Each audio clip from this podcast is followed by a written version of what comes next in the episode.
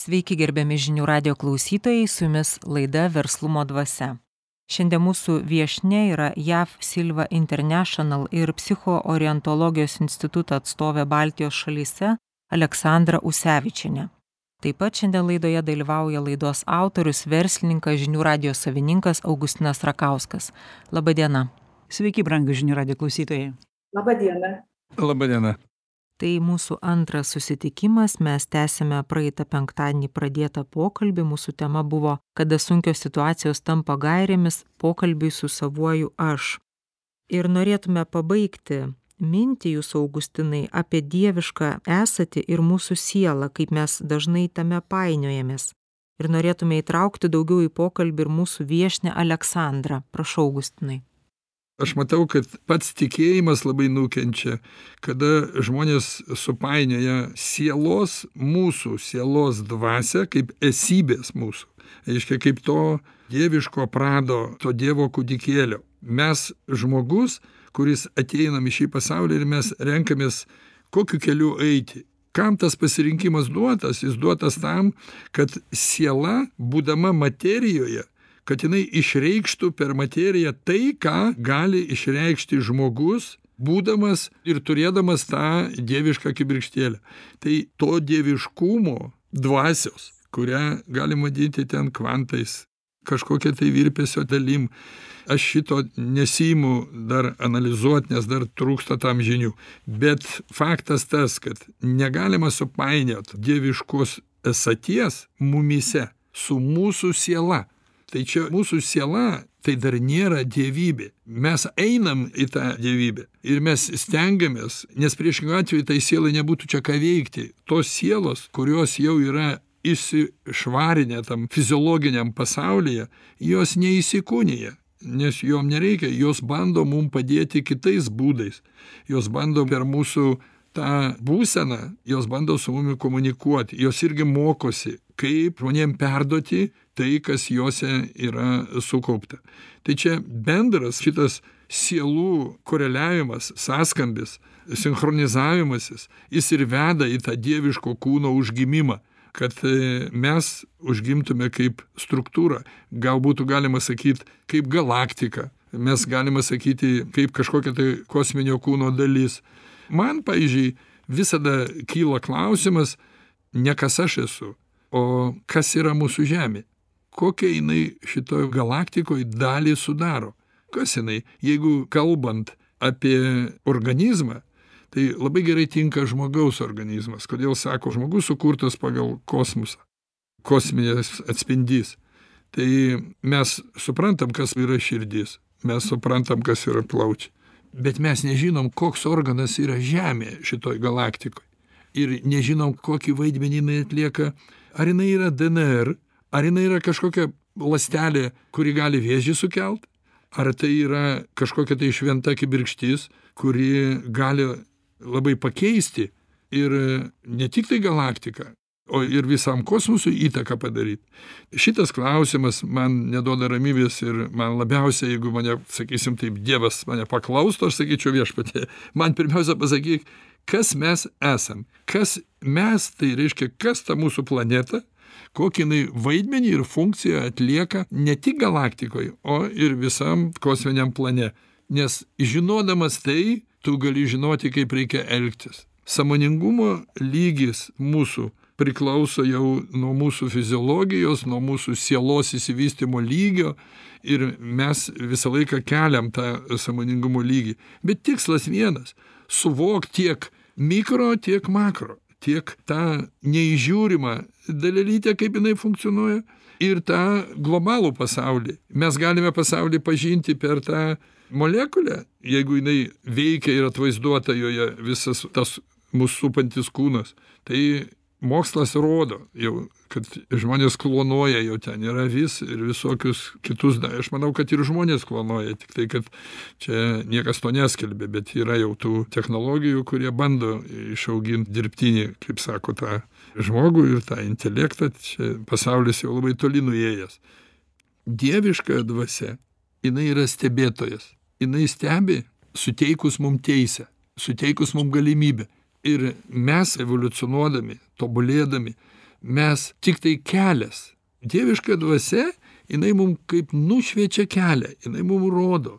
O renkamės mes ar eiti tuo keliu ar eiti tamsiu keliu ar eiti vienam ar eiti su visais jau čia mes renkamės.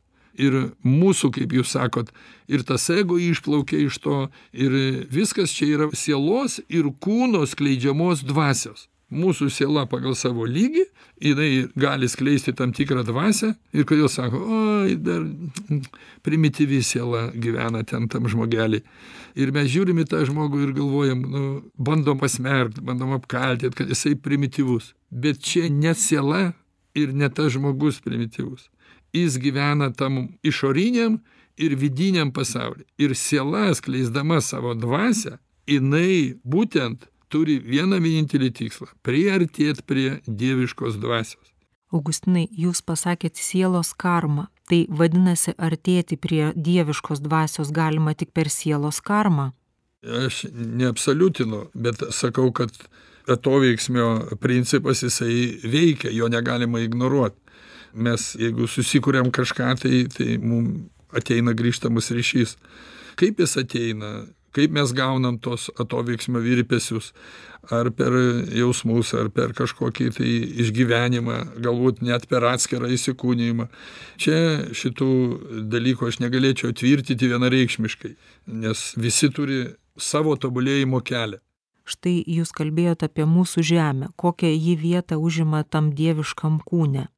Tai jei tuo pačiu principu pasižiūrėtume į mūsų tautą jos istoriją tai ar kiekvienos tautos indėlis į visą žemės dvasią prisideda prie to kokioj mes esam vietoj kokia hierarchija dievo kūne? Neabejotinai bet aš analizuoju tą dabartinę situaciją mūsų kaimynų baltarusijos mūsų ukrainiečių. Ir čia nereikia kažkokių tai didelių alchemijų reikia tiesiog istoriškai pasižiūrėt. Ta lietuvos didžioji kunigaikštystė buvo išsiplėtus net iki juodosios jūros. Ir kas buvo toj ldk valstybėje? Kokios šalys priklausė ldk tam junginiui? Tai buvo ir ukraina buvo ir baltarusija lietuva lenkija. Čia didžiulė buvo valstybė didžiulė galia. Ir jinai aišku kad darė įtaką tom valstybėm kurios buvo tam dariny tai jeigu mes pažiūrėsime kad ne baltarusija valdė ldk ir didžiausią įtaką turėjo ir ne ukraina o didžiausią įtaką turėjo būtent tie kunigaikščiai kurie statė pilis ir gynė sakysim beveik šimtą metų gynė ukrainą nuo antpuolių įvairių. Baltarusija labai intensyviai dalyvavo visokiuose kariniuose žygiuose ir ta visa kariuomenė buvo sudaryta iš šitų šalių kurios įėjo į tą darinį ir ką mes šiandieną matome mūsų kaimyninėj šaly pasipriešinimo dvasia daug silpnesnė negu kitose nes jinai mažiau dominavo būdama tam dariny. Ir tai tęsėsi gal daugiau negu šimtmetį o dominavo būtent tie lietuvos lenkijos kunigaikščiai. Jie primetė tam tikrą valią tam tikrą elgesio formą tom šalim kurios buvo priklausomybėje nuo tos pagrindinės galios kuri gynė ją nuo visokių antpuolių. Tai kad baltarusijos žmonės būtų kariuomenės dalis jie turėjo būt paklusnūs niekas gi nenorėjo juos gi vertė juos darė tokiais kokie jie šiandien yra. Ir tie atspaudai liko. Ir tas pats su ukraina vyko. Irgi jie kariavo. Ką pavyko įskiepyti vienoj ir kitoj tautoj tai čia tiktai maža dalis nuo tos geografinės dislokacijos kurią mes galėjome įskiepyti kurią galėjome prisidėti. Ir mes matom šiandieną vienos šalys yra karingesnės kitos mažiau karingos vienos labiau ginasi kitos mažiau ginasi vienos labiau ten bando kažkokią naują tvarką įdiegti kitos labai radikaliai bando įdiegt tai aš ką noriu pasakyt kad kai kalbi apie karmą tai nesvarbu ar tai būtų šalis ar tai būtų vienas atskiras žmogus visada kažkokiom tai išraiškom tai sugrįžta. Ir mes turime žinot kad kur prie ko mes irgi esam prisidėję. Ir tada kai kas nors paskui bando analizuot ir identifikuoti kas čia kalčiausias nu tai galima sakyt kada bando kaltyt tai kaltina tai kas vyko prieš penkis šimtus metų prieš keturis šimtus metų tai kai kalbi apie valstybės karmą tai mes net nežinome kada kas mum sugrįžta iš praeities. Ką kažkada mes sukūrėm ir kaip mes paįtakojom vieną ar kitą savo kaimynę tai aš manau kad ir pasaulio kontekste tokie patys dalykai vyksta. Nes pasaulis visąlaik jisai kariavo visąlaik įtakojo vieni kitus ir tos pasekmės visą laiką sugrįžta taip aleksandra mes dabar kalbėjom apie laiką. Augustinas štai sako kiek įvyksta dalykų per penkis šimtus metų kurie istoriškai užfiksuoti kaip pikseliai hologramoj o sujungti jie kaip paveikslai kuriuos mes patiriame savo sielose išgyvenam juos savo sapnuose yra mums dažnai neperskaitomi. Bet štai jūs turėjot tokį laiką kad metus laiko jūs praktiškai nekomunikavot tai atsitraukim nuo tų penkių šimtų metų ir apsiribokim vieneriais metais. Ką išgyvena žmogus kuris yra susikaupęs ir save nukreipęs dalintis žiniomis dalintis savo būsena surinkti iš aplinkos poreikius nežinojimą lyginti jį matyti kas per tai vyksta visuomenėje kur visuomenė serga kur yra gijimo procesai. Kas jums yra tie metai taip iš tikrųjų kadangi pandemija tęsiasi ir tie pastarieji metai jau tai vis tiek buvo ir lietė va taip arti ir mano šeimą įpratusi iš tikrųjų prieš tai dirbti šešiolika metų non stop reguliariai sakyčiau matydama kaip vystosi kaip keičiasi visuomenė. Ranka buvo ant pulso ar ne? Tu vis tiek kadangi tai dažnai susitinki su žmonėmis ir tai buvo ir latvija ir estija ir lietuva ir net rusija tai labai skirtingi regionai pagal mąstymą pagal poreikius. Ir tuo pačiu tie bendri užklausimai klausimai problemos žmonių panašios. Tai vat kaip ir augustinas sakė tos visos programos ir istorija šalies tai viskas prisideda prie to žmogaus gyvenimo ir jo mąstymo ir jo tradicijų vis tiek tai buvo iš tikrųjų kaip sakiau ranka ant pulso ir niekad nepamanyčiau kad bus tokia pertrauka visų pirma ir kaip tai atsilieps man sakykim. Be abejo aš puoliau atsitraukus nuo visuomenės ta prasme pagal aplinkybes kad aš negaliu su jais tiesiogiai matytis ir išgirsti. Aš kažkiek dar dirbau žinoma aš dariau onlain kažkokius seminarus pradžioj bet vat per šituos metus viskas stop tie įvykiai ir aš galvoju kad aš tiesiog ir negalėsiu dabar ir ir tikrai ne tos būsenos ir tikrai aš šito ir neturiu dabar daryt kažkaip. Tai buvo aišku buvo be galo daug visokių kitų situacijų kurias reikėjo spręsti. Ir tuo pačiu viduj vidinis tas gyvenimas įpročiai noras pasikalbėti su kažkuo ir taip toliau matyt vis tiek turėjo atsaką kadangi žmonės reguliariai išmano tų visų mokinių iš viso pasaulio rusakalbiai dauguma iš viso pasaulio lietuviai tai savaime aišku jie irgi skambino kaip aš jaučiuosi kaip aš dabar skaitau ir žiūriu vat tai viską kas vyksta. Čia dar iki karo pradžios be abejo iš pradžių aš turiu omeny kaip jūs gyvuojat kaip jaučiatės ar jumyse daug agresijos ar jūs pikta kad taip vyksta? Nu ta prasme tai kas rūpėjo žmogui aš girdėjau tuos klausimus. Viena moteris labai įdomiai pasakė aš skambinu jum dėl to kad net ir sunkiausios situacijos pasaulio kad iš tikrųjų ir man užgriuvo visokių problemų kaip jinai pasakė ir ta bendra situacija kuri gąsdina kadangi viskas vyksta pasauliniu mastu. Tas labai sukrėtė žmones ne atskiram regione kur kažkas vyksta bet tai toli ir manęs neliečia o kad taip vat visur kad ir ta pandemija apėmė visą pasaulį supranti kad čia ne šiaip sau. Ir aš skambinu jums kad šviesiai pasikalbėti apie tuos labai tamsius laikus. Aš žinau kad su jumis tai išeisi į kažkokį tokį na iš tunelio galą ar pamatysi bent šviesą tunelio gale. Kadangi labai baisu depresija tas anas na ir taip toliau. Nors materialiąja prasme darbo prasme viskas gerai. Būsenos arba žmogus skambina sako man viskas gerai šeimoj su vaikais su materialiais dalykais bet man nuobodu. Arba man baisu. Arba man baisu dėl savo vaikų. Kaip jūs su tuo susidorojat?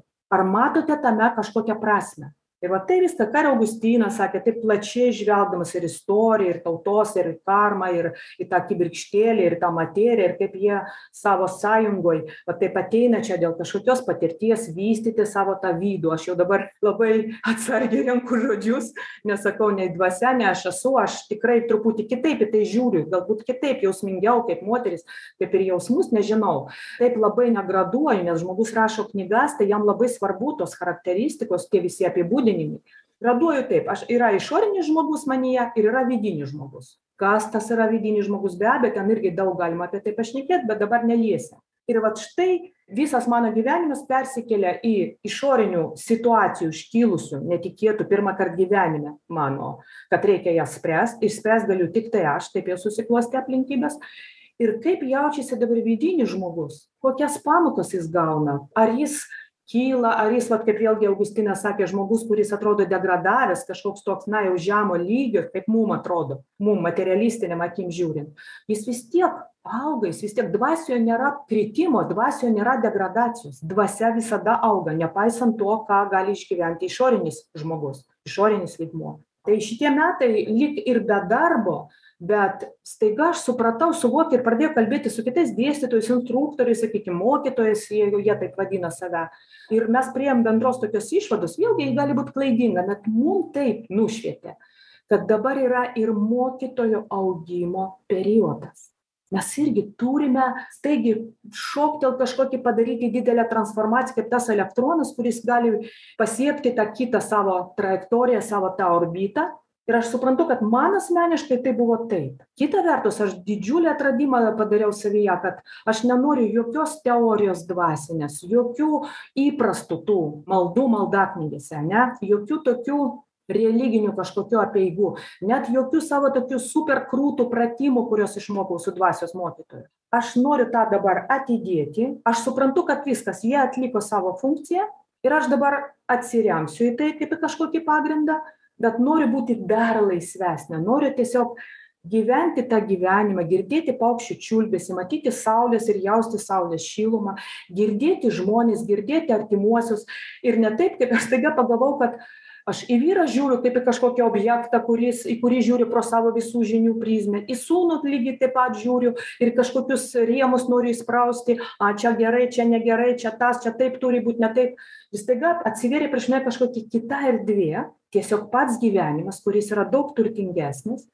Ir aš suprantu va tai yra mano augimas. Atidėti visus ir aš supratau dėl ko man tas ir davė tuos metus patraukti tai ką žinau aš vis tiek žinau ir tos žinios niekur nedingsta. Visas tas schemas visas tas skaidres visą tą sisteminį požiūrį apibūdinimus visa tai ką dabar mum labai gražiai pademonstravo augustinas nes matyt jam to dabar labai reikia ir jis taip mąsto taip gyvena.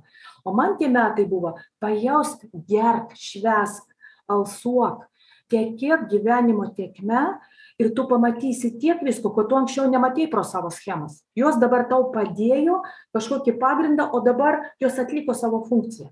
Apskritai ėjau aš čia mano asmeninė tokia subjektyvioji nuomonė kad jeigu ne daugelis tai labai daug metodikų labai gerų efektyvių kurios labai ilgai tarnavo visiem žmonėm tie visi seminarai tos medžiagos jos jau potencialiai paseno. Ta prasme tai yra morališkai paseno atitarnavo jos buvo labai geros. Žmonės buvo kitokie žmonės kitaip gyvena buvo jų kitokios problemos klausimai. Dabar pandemijos dėka žmonės labai pasikeitė. Patikslinkim gerai. Prašau parodykite kelis aspektus kurie rodytų kad tos žinios tos sistemos jeigu taip galėtumėt apibendrintai yra pasenusios pagal tai kiek pasikeitė žmogus atitinkamai tos visos metodikos kokios jos buvo o tokiam formate kokios jos buvo. Taip bet tai nereiškia kad tos metodikos neturi išnykti. Jos turi irgi augti keistis plėstis. Reiškia visi tie mokytojai atstovai instruktoriai ten nežinau dėstytojai kurie kažką dėstė jie dabar turi pereiti į kažkokį kitą lygmenį nebūti visą laiką tame. Man visos tos technikos veikia automatiškai. Aš galiu ten medituoti žaibiškai eiti ten į meditacinę būseną net atmerktom akim jeigu man kažko reikia. Ar pailsėt ar staigiai relaksuot ar nusiraminti. Viskas tai veikia puiku. Kas toliau? Aš suprantu kad žmonės aš tą pastebėjau jau prieš keletą metų kada tą pačią dėstai medžiagą be abejo žmonės keičiasi eina vis kitokia informacija eina vis kitokia interpretacija tų pačių technikų tos pačios teorijos ir tas mane labai nudžiugino. Pagalvoju koks potencialas toj programoj kad jie iš jos gali kaip iš gausybės rago traukti vis kitokį supratimą vis kitokį gilesnį kažkokį. Tai jeigu aš kalbu kad metodikos paseno tai paseno tokiam formate kaip buvo. Ir dabar to instruktoriai atstovai tų metodikų jie turi rasti tame dar ir dar potencialo nes potencialas milžiniškas. Nesakau kad jos nereikalingos. Jos paseno dėstyti jas taip kalbėti taip ir nepridėti nieko ir neieškoti naujo atgarsio. Ką aš matau toj metodikoj dabar nes aš pasikeičiau žmonės pasikeitė kaip dabar jiem ta pati teorija turi nuskambėti. Ir tas buvo labai svarbu suprasti kad vat aš dabar matyt tai pačiai lyg tai medžiagai tam pačiam potencialui didžiausiam čia kaip sėkla ji turi tam tikrą formą ją įmetam į žemę ir jinai pradeda keisti savo formą turi pramušti savo kevalą pramušti savo tą įprastą formą pasikeisti. Atsiranda daigelis dar žemėj paskui iš žemės išlenda. Ten visi kiti. Tai vat aš manau kad kaip ir sėkla kiekviena ta metodika ji turi praeiti tam tikras stadijas. Ir aš su nuostaba atradau kad jos visos dar ta prasme mes matėme jose tose metodikose labai nedaug. Va taip galėčiau atsakyt dėkojame mūsų pašnekovei aleksandrai. Turime trumpam stabtelti ir netrukus susitiksime antroje laidos verslumo dvasia dalyje. Gerbiami žinių radio klausytojai, grįžtame į verslumo dvasę. Antroji dalis. Priminsiu, kad mes kalbamės su JAV Silva International ir psichoorientologijos instituto atstove Baltijos šalyse aleksandra usevičiene aleksandra jūs kalbate kad mokytojams dabar kaip tik yra tinkamas laikas padaryti tą kvantinį šuolį nes kaip tik dabar pradedam matyti kad mūsų naudojamos metodikos atskleistos tik labai nedaug. Ir kaip dažnai sako mūsų laidos autorius kad ir biblijos naujojo testamento tiesų atskleidėm tiktai labai nedidelę dalį ir daugybė yra žemėje užkoduota paslapčių kurioms atskleisti reikalingas sąmoningas visų mokytojų susijungimas ir bendradarbiavimas kaip sakoma bendro žmonijos organizmo labui. Prašau inga. Štai jūs kalbate apie tų metodikų didžiulį potencialą. Mes kalbam apie tas dvasines metodikas. Ir taip pat mes kalbame apie žmogaus potencialą didžiulį. Bet kaip religijos kaip skaitė ir mums pasakojo kad tai ieva tą obuolį nuskynė ar granatą taip ir skynė taip adomas ten atsikando ir žodžiu dievas juos iš rojaus išmetė. Mes kalbam toliau apie žmogaus kūrybingumą tačiau žiūrim į jauną žmogų ir tokių žmonių jaunų labai daug kad užuot atsivėręs ir paskendęs tame savo kūrybingume per įvairiausius bandymus jisai renkasi socialinę pašalpą ir sofą tai kai jūs kalbate kad visi mokytojai dabar turi galimybę tam šuoliui kvantiniam kad žmonės pasikeitė ir atsiveria naujas klodas tos dvasinės literatūros iš kurgi eis tas stimulas kad visose sferose įvyktų tie pokyčiai? Vat jūs paminėjot tokį jaunuolį ane kuris dabar pasirinko pašalpą ir geriau sėdės tupės ant sofos nieko neveiks nors potencialą turi milžinišką iš tikrųjų. Jis nemato dabartiniame pasaulyje pagal savo potencialą ne tai kad būtinybės skleisti ne tai kad sąlygų nėra. Visada atsiras ir sąlygos ir bandymai ir visą laiką kažką vat veik kaip vat sakė augustinas veiksmas. Turi daeiti iki veiksmo man teko skaityti įvadinę silva metodo paskaitą moksleiviam nuo penktos klasės iki aštuntos ir nuo devintos iki dvyliktos. Ir studentam ir mokytojam. Tai visai skirtingos auditorijos. Bet aš mačiau kad jie su nuostaba girdi apie tai kad jie yra daugiau negu jie galvoja apie save. Tas penktokas ar šeštokas ar septintokas jis staiga kažką atranda tuose žodžiuose nors aš visiem kalbėjau na panašiai ta prasme medžiaga tai ta pati be abejo mano protas atrenka kad tai yra auditorija dar paaugliai ir jiem reikia kitaip pasakyti. O sakykim dvyliktokai kuriems jau tuoj reikia eiti kažkokias pasirinkti profesiją ar dar kažką kai aš paklausiau kas iš jūsų žino ko nori iš didžiulės auditorijos kur buvo apie penkiasdešim žmonių pakėlė rankas gal penki vienas iš dešimties kurie tikrai žino nori svajoja ir ten stos jeigu pavyks. Kiti visi sako kai kurie atsakė kad vat aš būtinai stosiu gausiu tiktai vien dėl tėvų jie nori bet aš pats nežinau nenoriu ir jeigu galima būtų nestočiau. Kai aš paklausiau kas iš jūsų iš tų likusių ten keturiasdešim penkerių žmonių išeis paskui ir dirbs pagal tą specialybę kurią gaus nenorint ir nesuvokiant ko jie nori iš tikrųjų. Labai mažai žmonių pakėlė nes sakau tai ką aš čia veltui mokysiuos. Reiškia iš tos visos auditorijos tik penki žmonės žinojo ko nori ir tai to sieks kiti plauks pasroviui gaus tą popierėlį nes paskui galima kažkaip kitaip įsitaisyt kitur kai kurie sakė dėl tėvų gausiu tą ir tą specialybę. Paskui jau sakė tėvai padaryk iš pradžių tai paskui daryk ką nori. Bet mažai kas iš jų suvokė ko jie nori ir ko jie tikisi iš gyvenimo. Ir iš viso kas yra tas gyvenimas. Ir keli prisipažino kad net baisu pagalvot kad prasideda tas savarankiškas gyvenimas. Tai čia aišku jau kitas klausimas kaip mes auklėjam auginam vaikus ane kas yra švietimas tai yra visai kiti klausimai. Tai buvo kaip faktas. Tai atrodo ką tas žmogus apie save žino? Tai va tas grįžtam prie pašalpos kartais kai žmogus nežino ką daryt man atrodo kad iš tikrųjų tegul jis praeina per tą patirtį susivokia ieško savęs. Tai kad jis dabar su pašalpa niekur nedirba nieko nesistengia nereiškia kad jame niekas nevyksta. Nes tai yra toks latentinis vidinis periodas vat kaip sėkla po žeme ten vyksta kažkas be abejo nes kitaip jis nepasirinktų jis nėra tinginys jis jaunas žmogus jis turi daug jėgų. Jo mąstymas aštrus jis ką tik dar išėjo iš paauglystės ir vaikystės kur smegenys veikia kitaip. Jis dabar ką tik ką tik apsiplunksnavęs toks suaugęs žmogus kuris tikrai dar nėra suaugęs.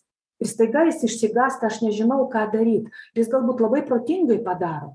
Todėl kaip ir augustinas kalbėjo tai ką mes matom išorinėm akim fizinėm akim koks žmogaus gyvenimas koks jis pats kaip jis elgiasi ką kalba koks jis apatiškas yra viskam ar dar kažkaip ar super aktyvus mes nematome jo vidinio kelio nes žmogus vystosi net jeigu yra komoj. Tai išorinis žmogus išjungtas vidinis visada yra aktyvus. Visada. Ir tie metai su pašalpa galbūt tai bus toks spyris ir tokia va ta būsena jis praktiškai praėjo. Kitas pagalvos o na ne su pašalpa negaliu nenoriu. Ką žmonės pasakys kaip aš čia dabar metus prarasiu. Jis vis tiek turės motyvaciją neimti pašalpos ir nesėdėti nieko neveikti. O kitas žmogus nori tos patirties.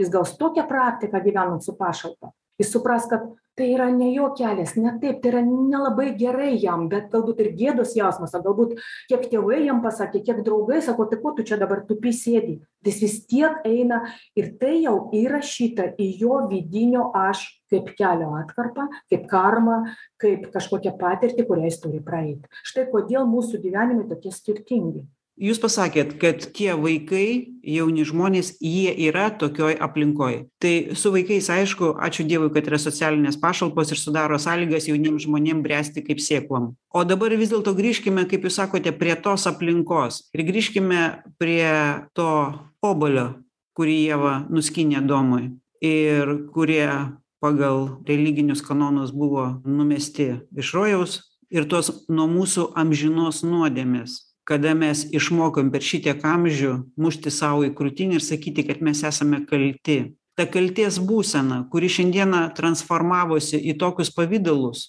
į tokius mūsų vaidmenis į tokias ligas kiek jinai prisideda prie šitos aplinkos kurioje auga bręsta šitie šviesūs jaunuoliai kurie labai tokią aplinką puikiai išnaudoja medijos sekso industrija netgi žemės ūkis pradėjot nuo aš kaltas ar aš nekaltas ar pirmapradė ta kaltė ir baigėt žemės ūkiu. Fantastiška grandinė kur viskas iš tikrųjų surišta.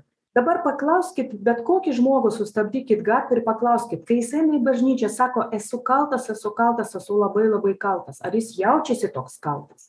Nes tai ką jūs išvardijot va tą ir ekologija ir kainos ir visa tai kas dabar sudaro mūsų gyvenimą toks įspūdis kad žmonės nustojo jaustis kalti a darau gyvenu vieną kartą jeigu ne vieną kartą reiškia dar pakartosiu nesvarbu tikiu kad daug gyvenimų tuo labiau galiu čia truputį pagriešinti atsiprašau už tokį išsireiškimą. Bet va tokios kaltės kame ta kaltė? Praktiškai mum niekas ir neaiškino.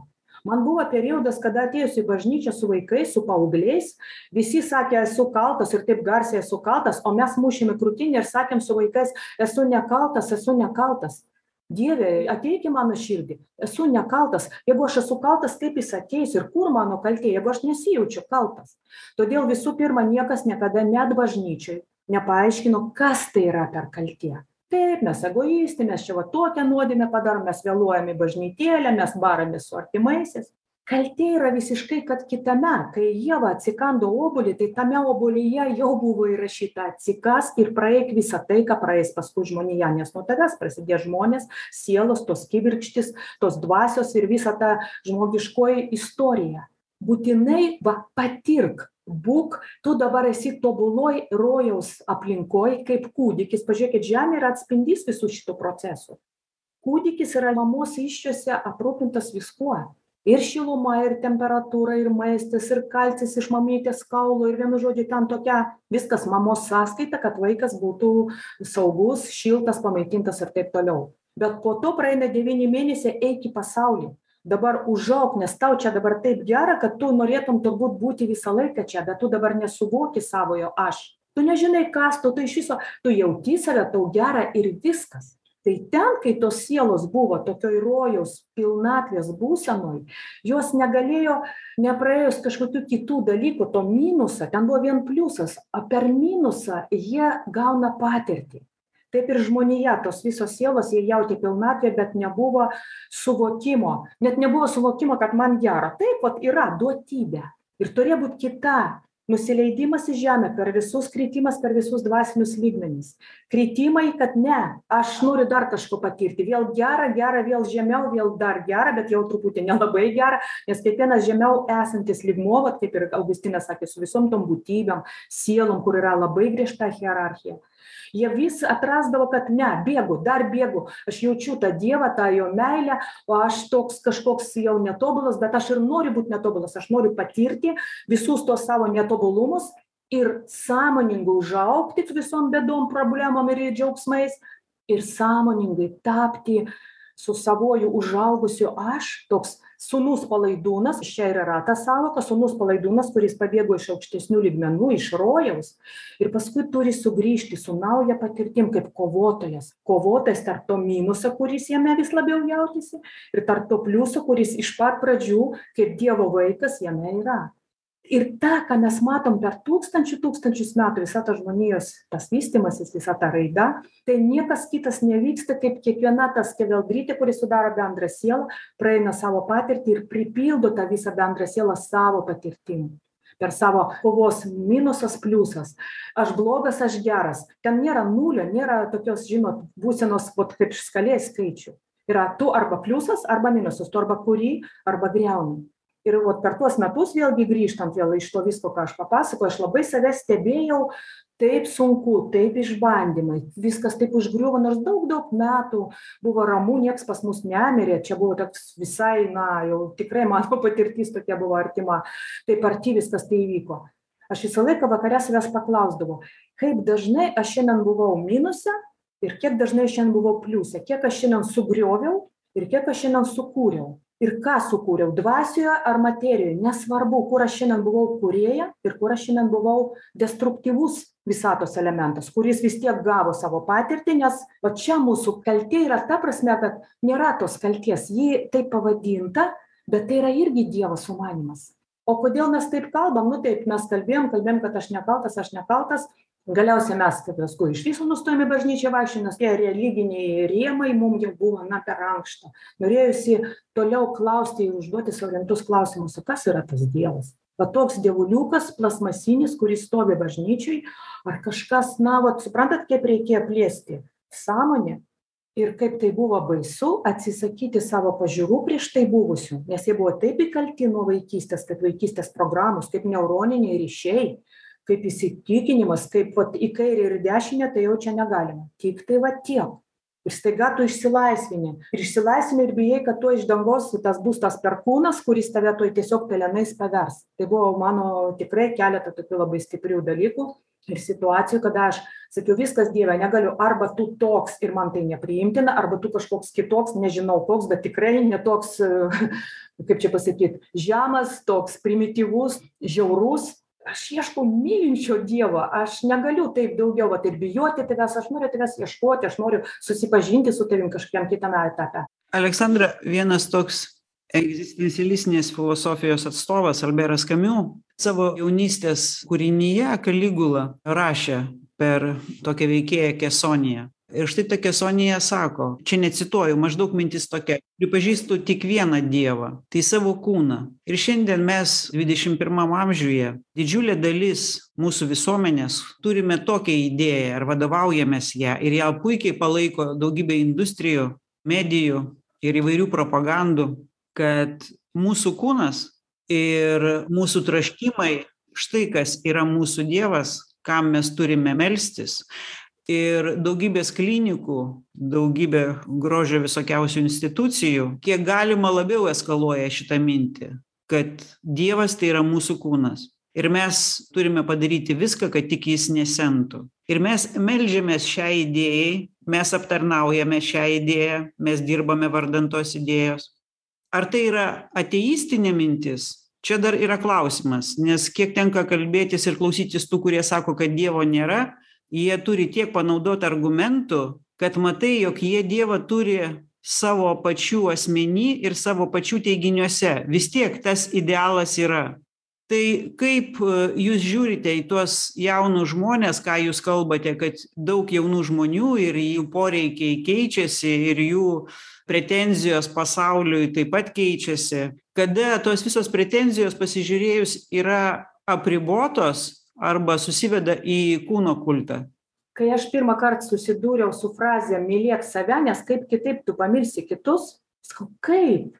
Mes tik save ir mylim deja mes tik aplink savo personą ir sukamės. Net jeigu mes darom kažką gero mes darome dėl savęs nes kitaip neužmigsiu tolstojus yra pasakęs visi mano geri darbai tik iš ego nes kitaip aš na jausiuos blogai ir tada man tai irgi buvo aš pradėjau žiūrėt savo visus gerus darbus gerus tai visuomenės akimis ten žmonių akimis šiaip pagal vertybes taip bet visada pirmas impulsas buvo kad man nuo to bus gerai. Todėl mes mylime save kaip nieks kitas kiekvienas iš mūsų. Ir jeigu aš vaiką savo myliu tai kodėl gi aš tada jį baru kai jis gavo dvejetą? Todėl kad man negerai ar jis ten susimušė ar ten jis dar kažką tai dabar kai prasidėjo tie visi kad pinigai yra dievas ane kūnas yra dievas grožis yra dievas. Ta mintis yra pagrįsta ir kita mintim.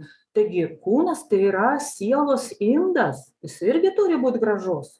O gražus kūnas ir graži siela tai mes nieko čia blogo nedarom. Dabar kad dievo nėra tai niekas dabar ypatingai taip ir nedeklaruoja nes jeigu ir verslo seminaruose apie tai kalba kad yra sistema galbūt nevadina dievas yra sistema griežta pagal dėsnius.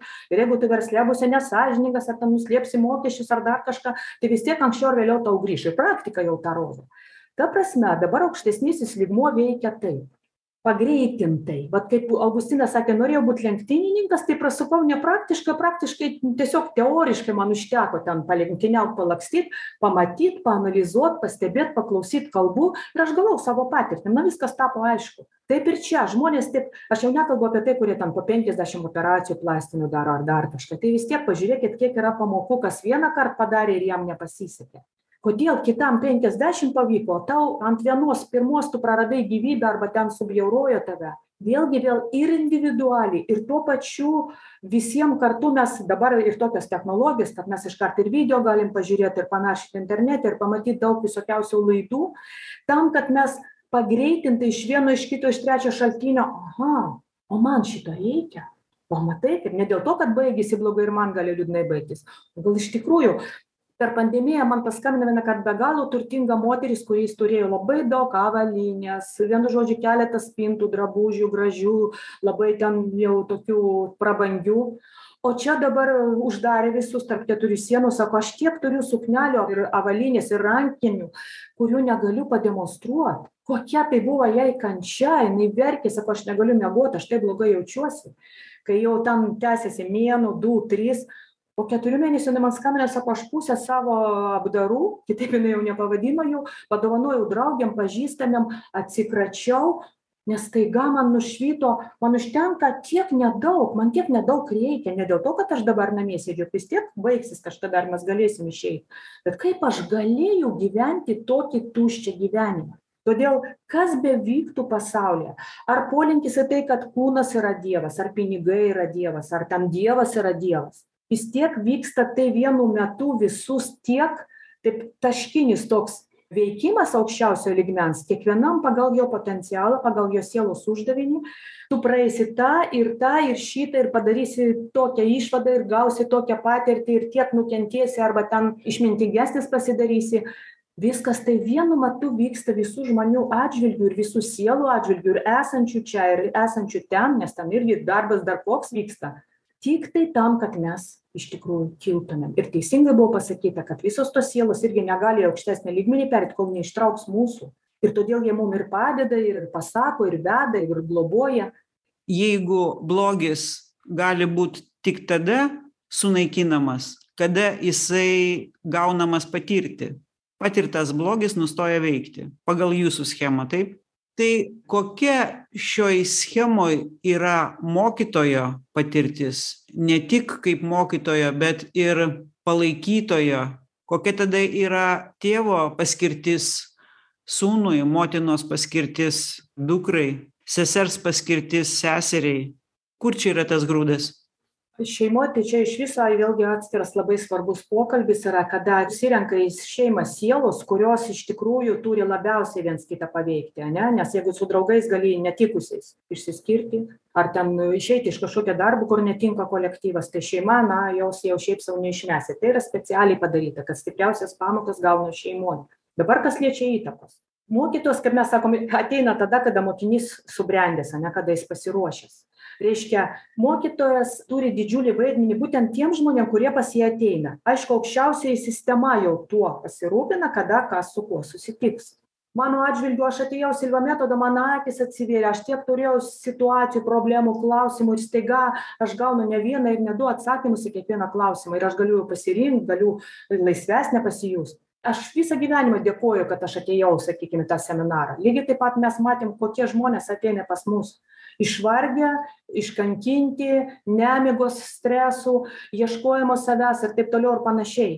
Ir staiga jie ateina pas mus. Ta prasme vėlgi aukščiausioji sistema e, pasirenka kokiai sielai reikia praeit ir niekada nesutikt mokytojo. Nes man dažnai sakydavo kaip tau gerai kad tu dvasinį mokytoją radai. Ir štai vat po šešiolikos metų aš išėjau pajaučiau viskas. Nors niekada dar prieš porą metų negalvojau kad taip įvyks bet aš išėjau. Viskas negaliu stovėt vietoj. Nu toliau tai gali būt ir taip mokytojas ir ateina ir mokytojas išeina arba tu išeini iš jo. Čia net sunku atsakyti į tą klausimą vienareikšmiškai. Jeigu aš labai aktyvi vidumi aš nebijau dirbti su savimi tai aš rasiu mokytoją kuris man padės tą padaryti. Bet jeigu aš noriu piliulės kažkokios tabletės kažkokio įrenginio kuris palengvins mane išgydys ten ar atliks mano kažkokias funkcijas ar aš manipuliuosiu žmonėmis kad jie už mane viską darytų o aš su savim dirbt nenoriu tada tau nieks neatsiųs mokytojo nes tu nepasiruošęs dirbt su savimi. Vėlgi gimė dar įdomi tokia vat mintis dėka jūsų klausimo kad mokytojas ateina dažniausiai pas tuos kas nori yra pasiruošę dirbti su savimi keisti save o ne pasaulį. Į mūsų seminarus ateina žmonės kurie bandė keisti aplinkinius šeimos narius pasaulį darbovietėje ten kolegas savo ir apskritai įstatymus. Ir staiga pamatė kad kažkas ne taip tai neveikia. Negaliu keisti aplinkos turiu keisti savo vidų ir tada ateis mokytojas pasakys gerai va dabar mes su tavim susitikom tu jau dabar viską išbandei ir prašom. Aleksandra mūsų laidos laikas jau eina į pabaigą ir kaip jūs jau ir žinote prašau palinkėjimą mūsų klausytojams. Tas palinkėjimas gimė vėlgi va per tuos visus metus ką aš sau palinkėjau ir atradau ir ką aš visiem dabar linkiu. Kiekvieną vakarą arba reguliariai kartą per savaitę porą kartų per savaitę paklauskite savęs ar aš šiandien buvau kūrėjas taip kaip aš tą suprantu sąvoką ar aš buvau destruktyvus ir kur? Nesvarbu santykiai žodžiai mintys veiksmai planai svajonės jos buvo destruktyvios ar konstruktyvios? Ką tai reiškia? Kiekvienas gali sau atsakyt ar aš šiandien likau žmogumi ar aš kartais išduodavau save kaip žmogų iš didžiosios raidės kaip tą aš esu vidinį ar mano rankos burna liežuvis akys šiandien tarnavo sielos interesams? Ar sielos interesai šiandien buvo nustumti į šoną į šalį? Ir aš šiandien rūpinausi tik savimi išoriniu žmogumi. Tai va tokia savirevizija savi toks patikrinimas. Jis taip išblaivina jis taip sukrečia kartais bet tai reikia drąsos. Tai vat linkiu visiems drąsos pažvelgt į savo vidų dvasinėm akim į save ir pasakyti koks aš šiandien buvau.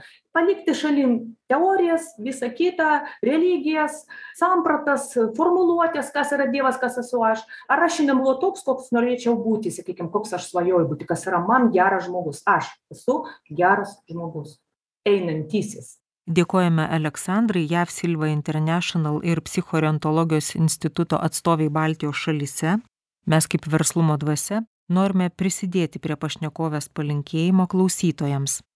Aleksandra lyg atskyrė žmogaus vidų nuo išorės. Tai atkreipiame dėmesį, kad žmogus yra dualus. Ir kaip pati pašnekovė sakė, kad ateina į žemę savo kūnų patirti ir išmokti pamokas. Ir kad šios pusiausviros tarp materialaus ir subtilaus mes galime pasiekti savo jausmus, mintis ir veiksmus, nukreipdami išminties teisingumo tikėjimo ir meilės ketinimu. Su jumis buvo verslumo dvasia. Iki kitų susitikimų